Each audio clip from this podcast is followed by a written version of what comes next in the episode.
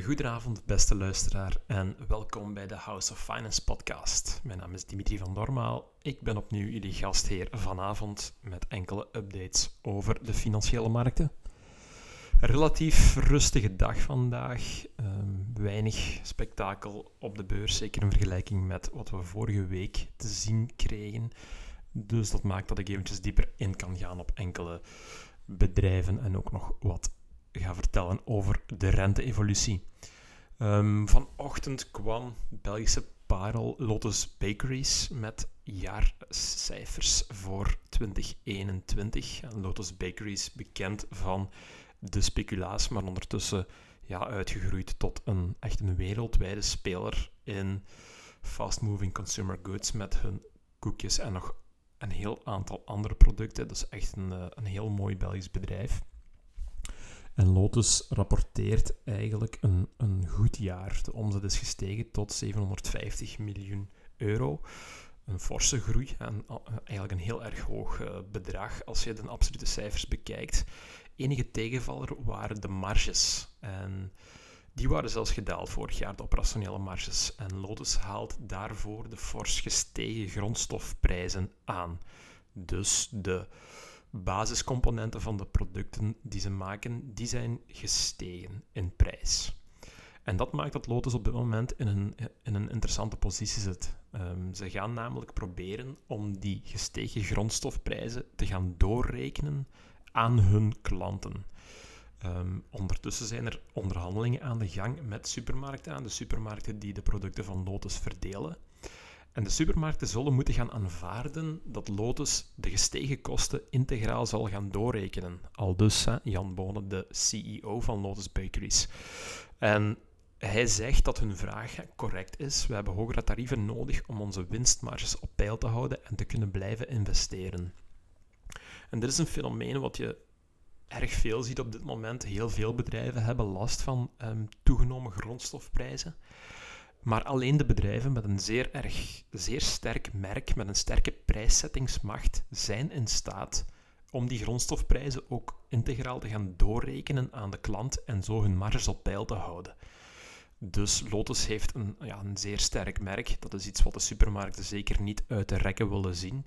En daarmee dat ja, de eh, CEO zegt: um, Kijk jongens, als jullie onze producten nog willen verkopen, dan zult je onze prijs moeten afslikken. Dus wat kunnen we verwachten dat de prijs van speculoospasta en alle koekjes van Lotus de komende periode, die zal waarschijnlijk weer gaan stijgen. En uh, zo zie je dus dat de stijging van grondstofprijzen gaat doorfilteren in de consumentenprijs. En dat is ook voor een groot stuk waarom we op dit moment met historisch hoge inflatiecijfers zitten.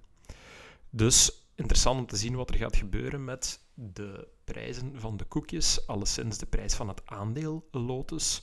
Dat reageerde vandaag iets minder positief. Lotus heeft er een fantastisch beursparcours op zitten. Die aandelen traden ondertussen aan 5500 euro per stuk. Van, ja, echt met astronomische groei de afgelopen jaren. Maar vandaag dus gaat er, gaan er een paar procenten af. Interessant, uh, overigens, vorige week had ik het over de stocksplit van Google.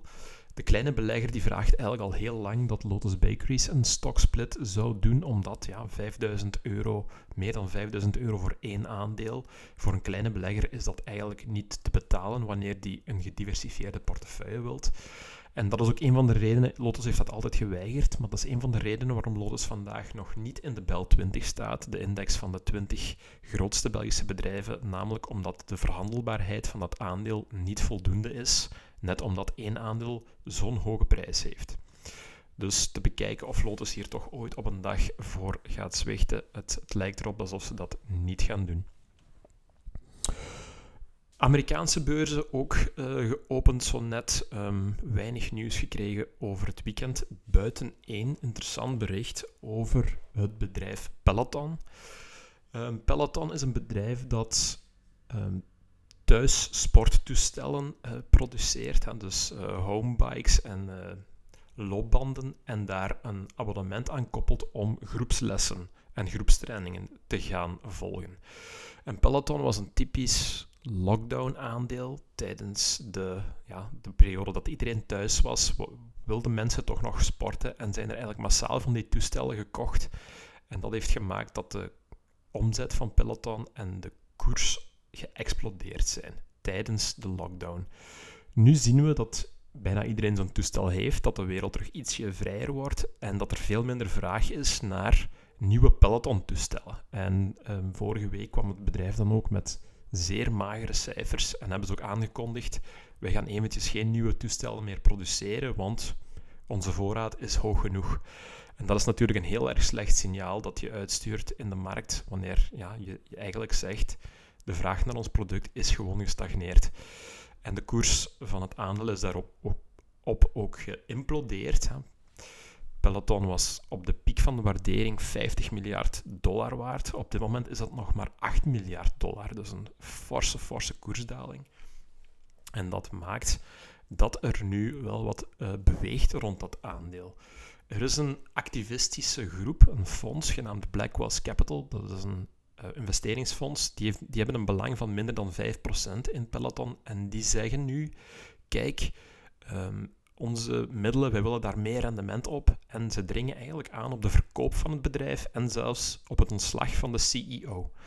In, een, brief aan de raad van bestuur noemt Blackwells enkele mogelijke overnamekandidaten, zoals Apple of Nike. En ja, als er zo'n um, geruchten in de markt gaan, dan zie je meteen dat die koers daar fors op reageert. Wanneer er overnamespeculatie is, dan kan je ervan op aangaan dat uh, ja, beurskoersen gaan stijgen. En dat zien we ook vandaag. Peloton, dat ja, bij de opening van uh, Wall Street meer dan 30% steeg. En dus anticipeert op een potentiële overname door Apple, Nike, Amazon wordt ook wel eens genoemd. Um, heel erg benieuwd of een van die bedrijven ja, interesse heeft om zo'n hardwareproduct in combinatie met software te gaan oppikken. Alleszins iets zeker om op te volgen de komende weken. Daar gaat ongetwijfeld iets gebeuren. Tot slot nog een kort berichtje. Um, wat betreft de rente-evolutie. Um, vorige week kwamen we inderdaad met de nieuwe uitleg van de Europese Centrale Bank die de ja, deur op een kiertje zette voor een renteverhoging eind dit jaar. Dat werd dit weekend nog eens bevestigd door uitspraken van de Nederlandse bestuurder van de Centrale Bank, Klaas Knot, die zei, um, en ik citeer, dat een renteverhoging in het vierde kwartaal wel van pas zou komen. Dus je ziet dat de markt daar vandaag verder op gaat anticiperen. In België bijvoorbeeld stijgt de 10-jaarsrente opnieuw enkele basispunten tot boven de 0,6 procent. En dat is het hoogste pijl sinds maart 2019. En december 2020 bereikte de lange rente, de lange termijnrente in België, een diepterecord van min 0,43 procent. Dus ondertussen meer dan een procent erbij. En het zou zomaar eens kunnen dat die stijgende lange termijnrente zich op zeer korte termijn ook gaat beginnen vertalen, bijvoorbeeld in de rentes van hypothecaire leningen. Dus uh, zeker iets om in de gaten te houden. Wanneer die lange termijn rente stijgt, dan filtert zich dat meestal ook door in het bankaire financiële systeem. Zo, dat was de update voor vanavond. Ik hoop dat jullie het interessant vonden. Geef ons zeker 5 sterren, dat helpt ons erg hard. En ik hoor jullie heel graag heel snel terug. Fijne avond, bye bye.